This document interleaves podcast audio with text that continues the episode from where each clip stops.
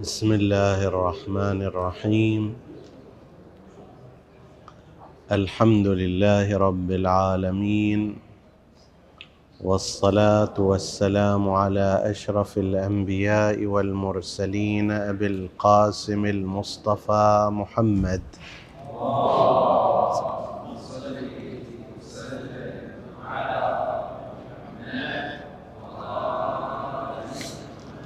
وعلى أهل بيته الطيبين الطاهرين المعصومين المكرمين.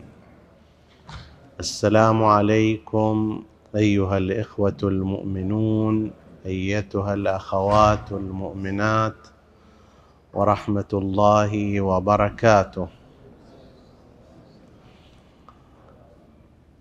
جاء في كتاب غرر الحكم ودرر الكلم عن أمير المؤمنين عليه السلام قوله رأس الآفات الوله باللذات. رأس الآفات الوله باللذات. هذه الحكمة هي من جملة ما يزيد على عشرة آلاف حكمة وكلمة قصيرة جمعها أبو الفتح الآمدي رحمه الله المتوفى سنة خمسمائة وعشرة في كتابه غرر الحكم.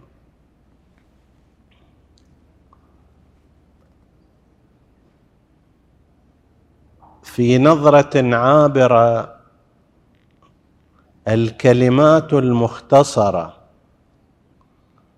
وهي التي تسمى بالحكم في اصطلاحهم.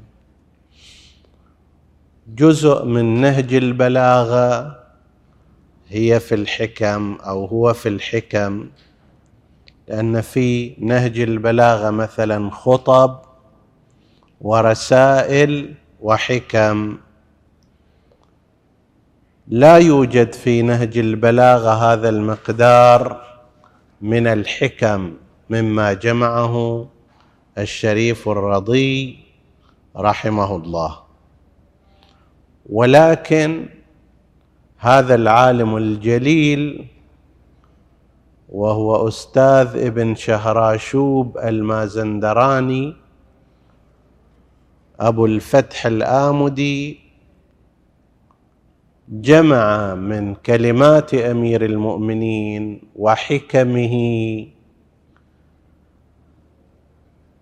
وقصار كلماته حوالي عشرة آلاف وسبعمائة وخمسين كلمة وحكمة ثم رتبها على حروف المعجم. يعني الكلمات التي تبدأ مثلا بحرف الألف قبل التي تبدأ بحرف الباء وهكذا. ثم صار أيضا آخرون جاءوا وصنفوا هذه الحكم على أساس المواضيع. يعني مثلا ما جاء في باب العلم حتى إذا كانت بداياته مختلفة في الطبعة الأصلية في التصنيف الأصلي في أماكن متعددة. اللي يبدأ بالألف مكان اللي يبدأ بالباء مكان وإن كان موضوعهما واحدا. جاء آخرون فصنفوا من جديد هذا الكتاب بحيث أبواب العلم جمع جمعوا فيها الكلمات والحكم أبواب العقل كذلك سائر أمور الأخلاق.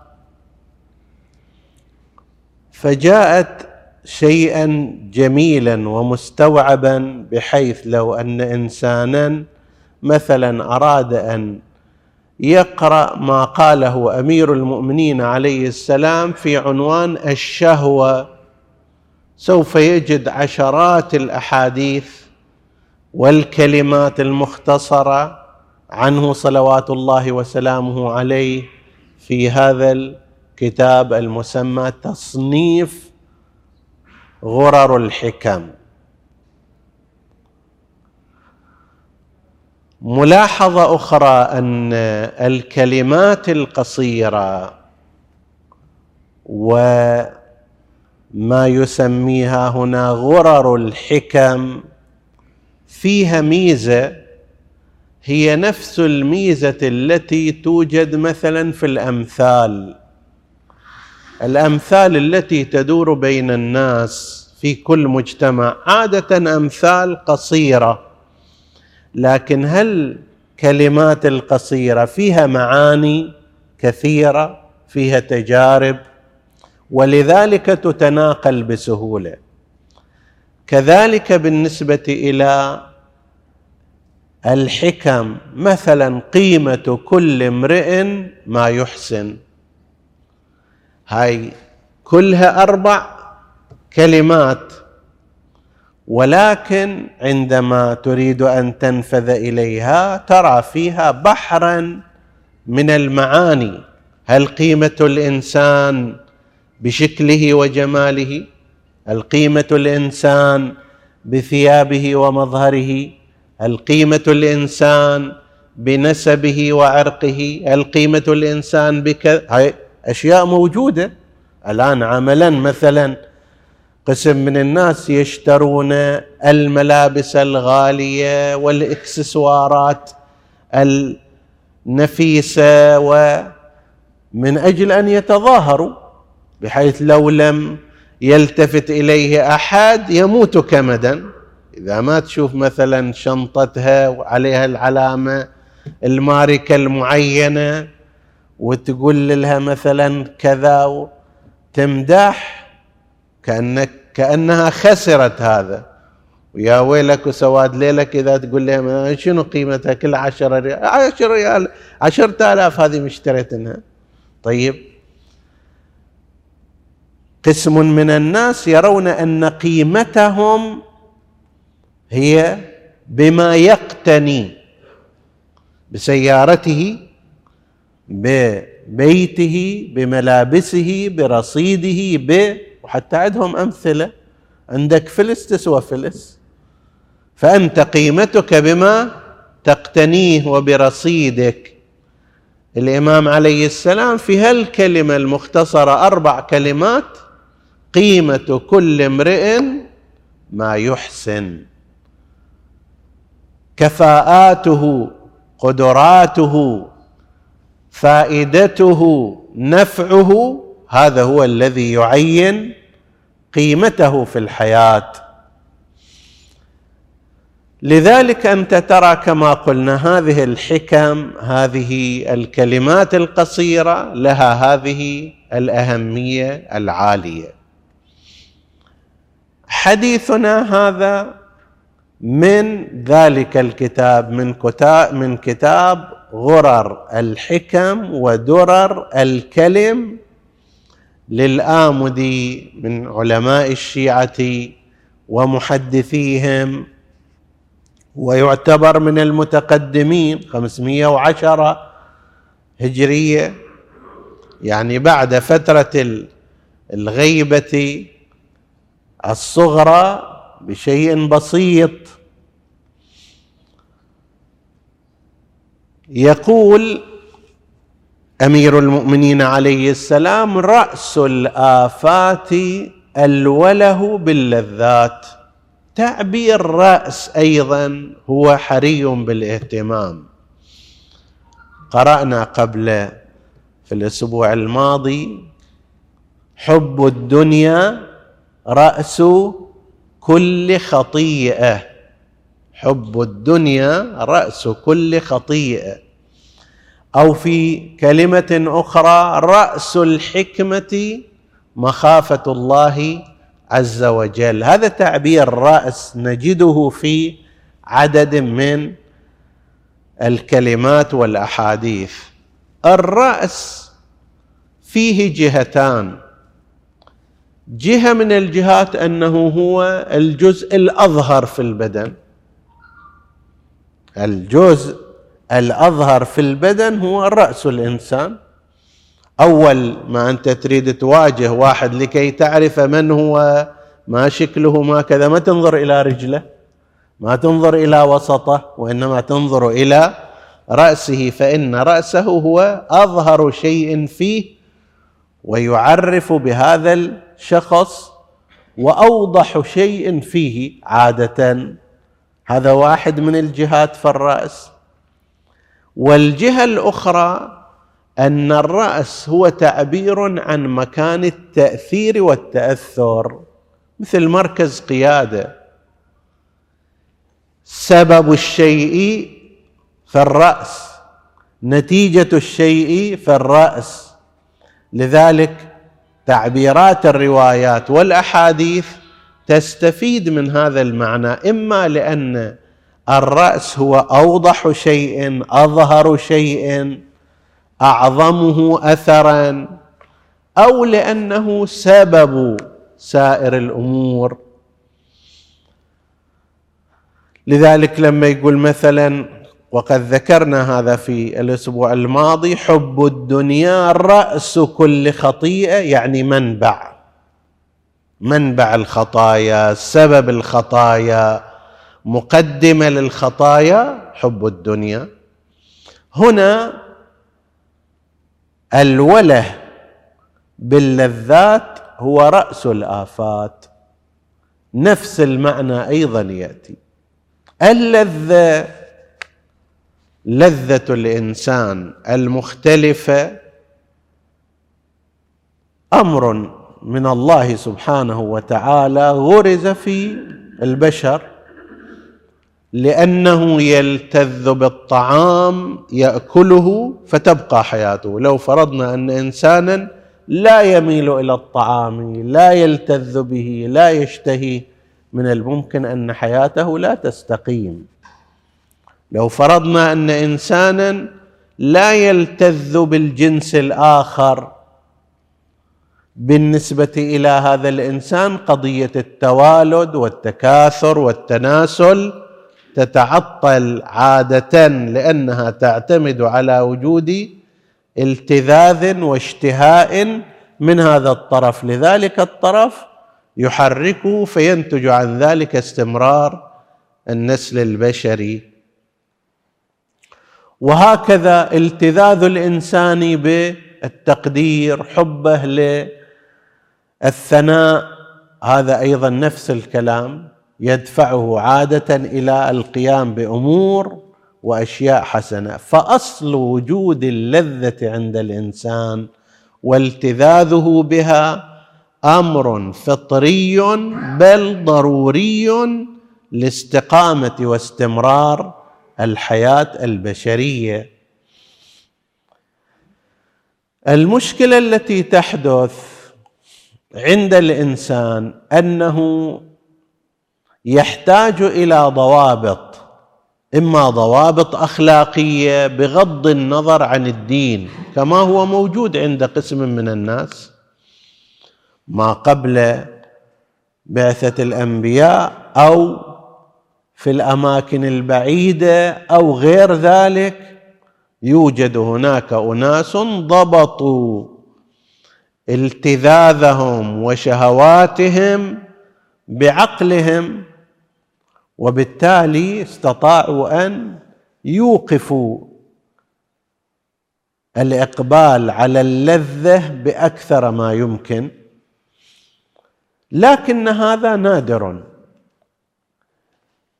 الوقوف أمام التمادي مع اللذات إما أن يكون له جهة دينية تنتهي إلى التخويف بعقاب الله عز وجل والترغيب في ثوابه تترك هذه اللذة.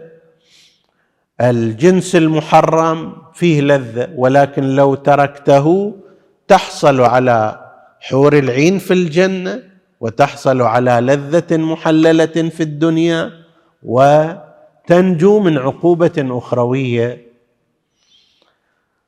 فلا بد من وجود جهة دينية يتأثر بها الإنسان المؤمن فتقف أمام تمادي ونداء الشهوة واللذة العارم الذي لا يتوقف أمام حد. إما هكذا وإما وجود نظام عقوبات بشري يعاقب على ذلك. هذا أيضا. لكن هذا فرق عن ذاك أن هذا بس في الظاهر يمنع التمادي مع اللذة والشهوة في العلن وأما في السر لا يمنعه بخلاف الجهة الدينية. في الجهة الدينية أنت ترى الإنسان الصائم وهو في داخل منزله مع ذلك يمنع نفسه عن اللذائذ مع أنه لا أحد يراه ولا أحد يعاقبه ظاهرا. وما ذلك إلا لجهة الامتناع الديني بينما لو كان نفس هذا فقط عقوبة دنيوية من قبل نظام من الأنظمة الوضعية. يقول لك أنا داخل البيت ما حد يدري عني. الإمام عليه السلام لكي يوقف الإنسان انسياقه الكبير وراء اللذائذ متخطيا الحواجز الشرعية يأتي ويبين عددا من المشاكل التي تنتهي بها اللذة عند الإنسان. اولا يقول رأس الآفات الوله باللذات وله غير حب اللذة فشيء أكثر. لأن الحب له درجات كما يذكرون في اللغة. حتى التعبير عنها حتى التعبير عنها بالألفاظ يختلف.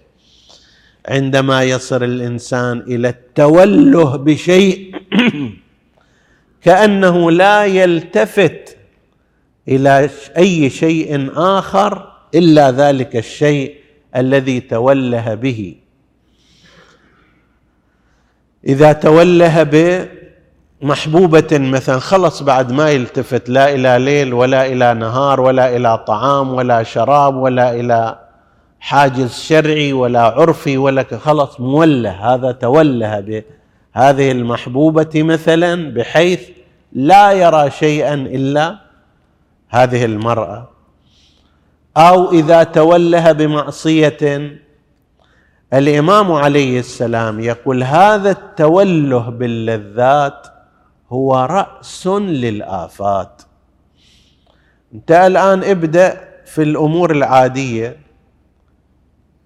ذات مره كنا مع أحد المؤمنين قال ابني أنا تحيرت معه ماكو طريق إلا سلكته. آخر شيء سألجأ إلى كما يقول أسوي إلى عملية تكميم وينتهي الأمر لأنه بدأ ينتفخ إلى حد أنه وهو في عمر مثلا 14 سنة يصل إلى حوالي 100 كيلو. ليش؟ يقول هذا أي شيء يراه من الطعام يقبل عليه مثل واحد جائع من شهر ما ماكل مع أنه تو الآن مثلا متريق. على طول الخط يدخل في داخل بطنه لا عن جوع ولا عن حاجة ولا مع ملاحظة أنه هذا ينفعه أو لا ينفعه يفيده أو يضره. موله بهذا الطعام لا يصمد أمامه. في البيت ياكل في المدرسة ياكل في الطريق ياكل. أي شيء يعني تمد عليه أو ما تمد عليه هو زين هذا هالتوله بلذة الطعام ماذا سينتج؟ ينتج آفة في البدن ينتج السكر ينتج المشاكل الصحية إلى غير ذلك على مثل هذا الأمر قس سائر القضايا ذلك الذي يتوله بالجنس الحرام باللذات المحرمة أحيانا يدخل في معارك. تسمعون قصص من هذا القبيل. أحيانا يدخل في سرقات حتى يأمن مثل هذا هذه اللذة التي هو موله بها. فتتاب فتتتابع عليه الآفات. من آفة صحية إلى آفة اقتصادية. يخسر امواله كلها. وقانا الله وإياكم شر والمؤمنين شر الإدمان. تعلمون أن الإدمان يبدأ بشيء بسيط. يدعى الشخص إلى شيء بسيط يقول له الأيام أيام امتحانات. خذ لك حبة كبتاجون أو أمفيتامين أو غير ذلك هذه تخليك أكثر تركيز وتخليك تسهر تمام وتزيد من ذكاك وكل غير صحيح. زين؟ فإذا بدأ بها صار يشتاق إليها مرة ومرتين إلى أن يدمن حسب التعبير المعاصر أو يتوله بها حسب تعبير القديم ما يستغني عنها بعد. هذا الأمر موجود في كل لذه الوقوف أمامه هو أن يتذكر الإنسان مجموعة أمور منها أن يتذكر ربه سبحانه وتعالى ونهيه وأن يتذكر كما سيأتي في أحاديث نقرأها إن شاء الله أن يتذكر أن هذه إذا كانت محرمة ففيها آفات منها آفات في الصحة منها آفات في السمعة الاجتماعية منها آفات في الموقف يوم القيامة. أمير المؤمنين عليه السلام يقول لا توازي. هذا أيضا موجود في كتاب غرر الحكم. أنصح الإخوة المؤمنين في أوقات اللي عندهم فرصة أن يطلعوا على هذا الكتاب. موجود على الإنترنت وموجود مطبوع. يقول عليه السلام لا توازي لذة المعصية فضوح الآخرة وأليم العقوبات. لو أن الإنسان فكر بهذه الطريقة أنا أقبل على مشاهدة الأفلام الخلاعيه أنا أقبل على أخذ مال الغير من غير وجه حق. أنا أقبل على أمور محرمة ألتذ بها من الممكن في أثناء ممارسة ذلك. لكن هذه اللذة التي هي مؤقتة وسريعة الانقضاء هل توازي فضوح الآخرة؟ يوم القيامة المشكلة هناك ما في بعد. حسابات خاصة وإنما على رؤوس الأشهاد. سترى الله علينا وعليكم خطايانا. نقرأ في الدعاء ولا تفضحني على رؤوس الأشهاد. قانون الحساب هناك القانون الاولي هو أنه أنت يقرأ كتابك أو تقرأ كتابك على رؤوس الناس. زين هذا لو الآن مثلا أنا المتحدث أمام هؤلاء الحاضرين المؤمنين قرأت كتابي وفيه سيئات. طيب كل واحد منهم عجيب هذا اللي كان يقول لنا ويعظنا ونرى ظاهره حسنا و و وقدره نحترمه. طيب تالي هالشكل؟ الفضيحة هنا فضيحة عظيمة وهذا بالنسبة إلى كل الناس. أي واحد منا كذلك عنده محيط اجتماعي يقدره يحترمه أسرته عائلته أصدقاؤه أهل حيه من يعمل معه يظنون به خيرا. وإذا به فضوح يوم القيامة قدام الناس. فلا توازي حقيقة لذة المعصية مهما كانت. لا توازي, لا توازي الفضيحة. من هنا يريد أمير المؤمنين أن يقول بشكل غير مباشر العاقل ما يدفع هذا الثمن. أنت علشان لنفترض قنينة ماء تدفع ريال واحد يوازي قيمته. لكن لو واحد اجى قال لك في الحالة العادية هذه راح آخذ عليها ألف ريال. أنت لا في حالة اضطرار ولا في حالة حاجة تقدر تاخذها منها وتقدر ما تقبل. ليش؟ لأن ثمنها أكبر بكثير من قيمتها الحقيقية. لذة المعصية في مقابل فضيحة يوم القيامة جدا ذاك الثمن غالي. جدا التكلفة هائلة. حقيقة ما تسوى.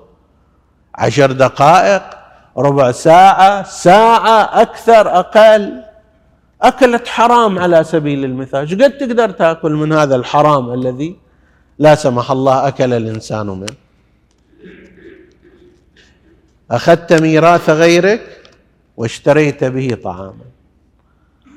أخذت حق غيرك واشتريت به سيارة. شقد راح تاكل من هذا الطعام؟ كم ساعة؟ مو بالساعات. كم راح تلتذ منه؟ هي لحظات مقدار ما تشبع بس ما تشبع. تعافه النفس. زين هذا يوازي فضيحة أمام مليارات الخلائق ذاك الوقت؟ لا يوازي. هل يوازي هذا أليم العقوبات؟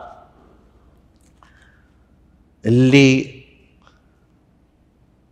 ساعة لذة ممكن مليون ساعة عذاب تواجه هناك. تسوى القضية؟ ما تسوى. يقول مولانا أمير المؤمنين عليه السلام لا توازي لذة المعصية فضوح الآخرة وأليم العقوبات ولا خير. هذا حديث آخر. لا خير في لذة توجب ندما وشهوة تعقب ألما. قلت حتى في الدنيا أحيانا موجودة. واحد وقاكم الله وإيانا مريض سكر بس مشتهي إلا لازم يأكل شنو؟ مقلاوه على سبيل المثال. يأكل من الصوب يرتفع عنده السكر تطق عيونه أو سائر تسوى القضية. شهوة لذة طعام لكن أعقبته هذا الندم يتأسف. يا ليت أنا ما أكلت كان الان لا زال مبصر. يا ليت ما بالغت في فلان شيء كان الآن بدني. صحيح. وهكذا بالنسبة إلى قضية الذنوب والمعاصي. نعم.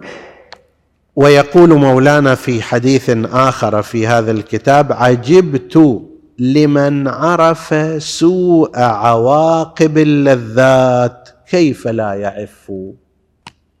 واحد يدري أن وراء هذه اللذة المؤقتة عواقب سيئة ممكن يفتضح في هذه الدنيا ممكن يدرون عنه ولو أخفى ذلك ممكن يعرف عنه أنه يرتكب الحرام. هذا في الدنيا ينزل شخصيته إذا يدري هذه النتائج كيف لا يعوف؟ ويقول عليه السلام قل من غري باللذات إلا كان بها هلاكه. إذا واحد راح وراء اللذات يقول أنا لازم أحصل أموال طائلة حتى كذا وكذا أسوي. زين هاي الأموال الطائلة ما تحصل بسهولة ما تحصل ضمن الحاله العادية إلا ضمن مسار. لا أنا أريد عمري ثلاثين سنة أصير مليونير. ما يصير هذا؟ قسم من الناس يفهم هذا الأمر يقول ترى الحرام لا واحد ما يروح وراه سرقة لا فيها عواقب. ممكن مرة تفلح المرة الثانية يقبض عليه يقبض عليه معنى ذلك سنوات من السجن. فكر في بيع المخدرات. يابا ممكن مرة مرتين تسلم لكن المرة الثالثة فيها راسي يطير. إذا كان عاقلا ويفكر في عواقب هذه الغرض شنو كان؟ هو أنه يحصل أموال كثيرة جدا في وقت مبكر من عمره حتى يلتاذ سيارة آخر موديل يشتري يلتذ بالتظاهر امام أصحابه. زوجة يتزوج أو زوجات أو غير ذلك سفرات كل هالغرض استفراغ اللذات زين هذه فيها عواقب. هذا الطريق اللي تمشي فيه لتحصيل المال فيه عواقب. عواقب دنيوية ممكن تروح حياتك فيها أصلا. فلا تحصل لا ذاك المستوى العادي اللي كان حالك حال غيرك ولا المستوى اللي انت كنت تطمح إليه من خلال السرقات والمخدرات وغير ذلك. فالإنسان العاقل إذا فكر في سوء عواقب هذه يمتنع عنها. رأس الآفات يقول أمير المؤمنين عليه السلام الوله باللذات وفي مقابل ذلك السيطرة على النفس والالتزام بما أمر الله عز وجل به من السير في ضمن الحدود التي تؤمن اللذة بتمامها وكمالها وتؤمن رضا الله سبحانه وتعالى في نفس الوقت. الإنسان المؤمن لا يخسر شيئا. لديه من طرق إشباع اللذة ما هو يكفيه ويزيد عن حاجته لكن ضمن إطاره المشروع. نسأل الله سبحانه وتعالى أن يوفقنا وإياكم للالتزام بما يرضي الله عنا واجتناب ما يسخطه إنه على كل شيء قدير. وصلى الله على محمد وآله الطاهرين.